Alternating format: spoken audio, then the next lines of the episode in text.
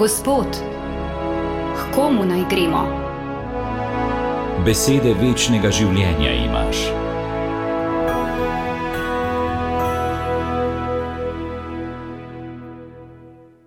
Drugi del pastirskega pisma slovenskih škofov. Dragi bratje in sestre, apostolska dela nam poročajo, da je prva crkva nastala, ko je Sveti Duh povezal zbegane Jezusove učence in izbral v gornjih prostorih Jeruzalemske hiše, kjer so nadušno ustrajali v molitvi z ženami in z Jezusovo materjo Marijo in z njegovimi brati. Bili so stanovitni v nauku apostolov in v občestvu, v lomljenju kruha in molitvah. To je osnovna oblika življenja cerkve vse do danes. Občestvo mož in žena, ki jih povezuje nauk apostolov, dejavna medsebojna ljubezen in molitev, ki nas povezuje s cerkvijo, z našimi živimi in že poveličanimi brati in sestrami.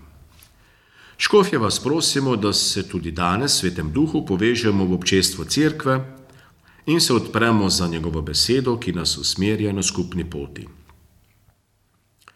V prvem letu sinodalne poti so potekala različna srečanja v okviru škofij in župni, v redovnih ustanovah, lajčnih gibanjih in združenjih. Škofje se zahvaljujemo vsem, ki ste sodelovali in prispevali svoj delež.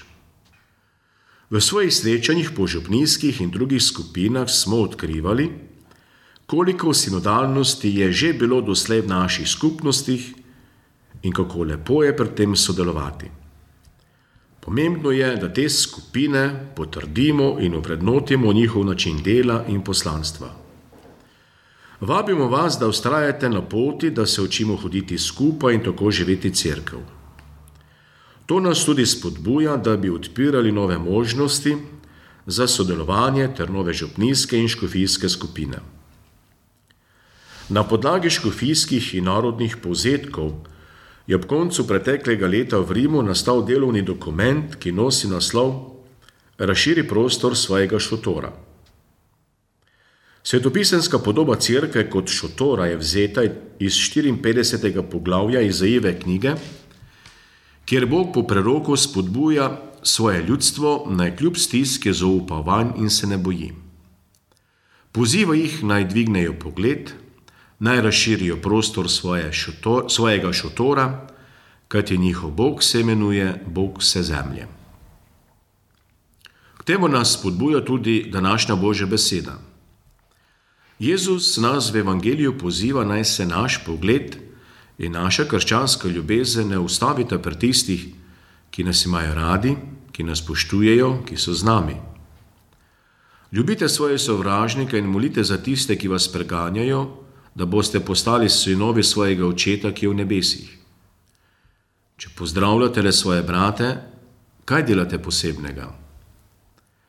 Iz bistva našega krščanskega in cerkvenega poslanstva namreč izhaja, da se ne ustavimo pri mejah svojega dobrega počutja, da prestopimo svojo gotovost in prostor, ki ga obvladamo. Že staro zavezna besedila nas spominjajo, da se lahko človek bliža Bogu in postaja svet samo po konkretni življenjski poti. Bodite sveti, kajti jaz, Gospod, vaš Bog, sem svet.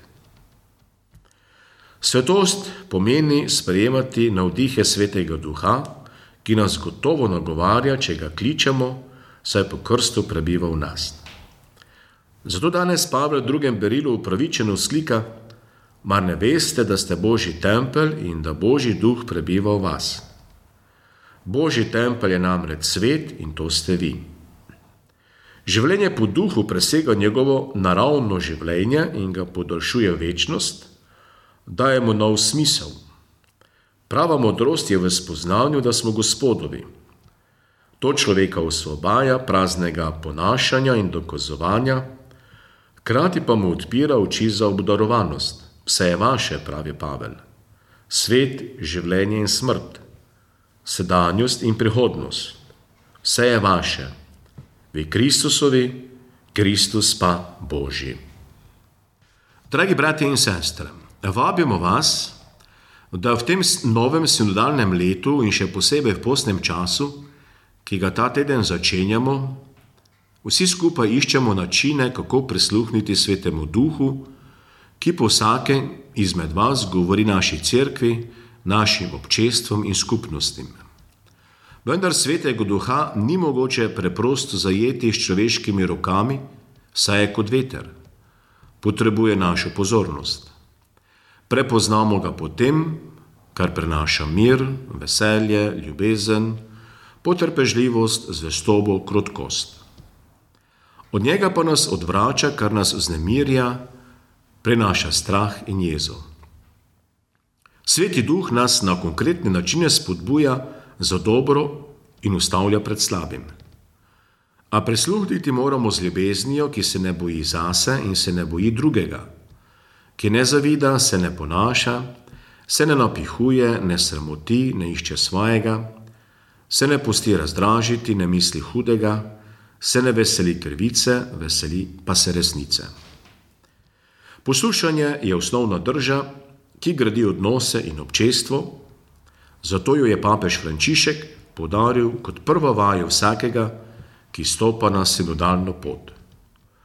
Poslušanje je po Frančišku oblika nežnosti, ki nam pomaga, da se lahko res zgodi srečanje z Bogom in z resnico o samem sebi.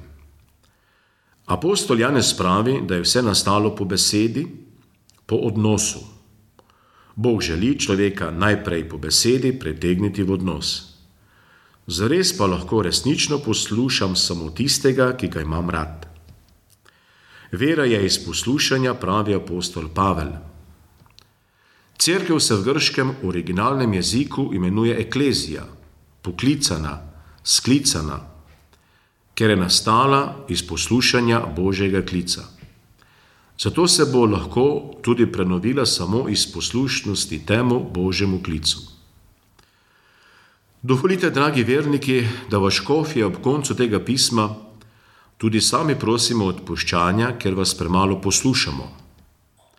Zavedamo se in zaupamo, da lahko duh spregovori po vsakem človeku, a pogosto nas skrb in strah zapreta, da se zapremo in ne slišimo.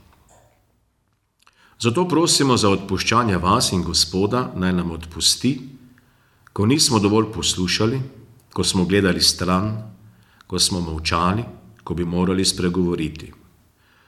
Žal nam je, če vam nismo bili dovolj v oporo, če ste bili razočarani ob srečanju z nami in ste zaradi našega ravnanja izgubili vero v Božjo pravičnost, ljubezen in usmiljanje. Prosimo vas, molite za nas, da bomo lahko med vami pogumno opravljali službo dobrega pastirja in pričevali za njim. Molitvi za sinodo vsi skupaj priznavamo, da smo šibki in grešni in prosimo Gospoda, naj ne dopusti, da bi širili nered. Naj nam in vsej cerkvi podarja svojega svetega duha in ne dopusti, da bi nas nevednost vodila po napačni poti, ali da bi pristranskost vplivala na naše dejanja. Na vas kličemo Božjega blagoslova in preprošnje naših nebeških zavetnikov, še posebej slovenskih močencev, ki naj izprosijo slovenski cerkvi svetosti in poguma. Vaši škofje.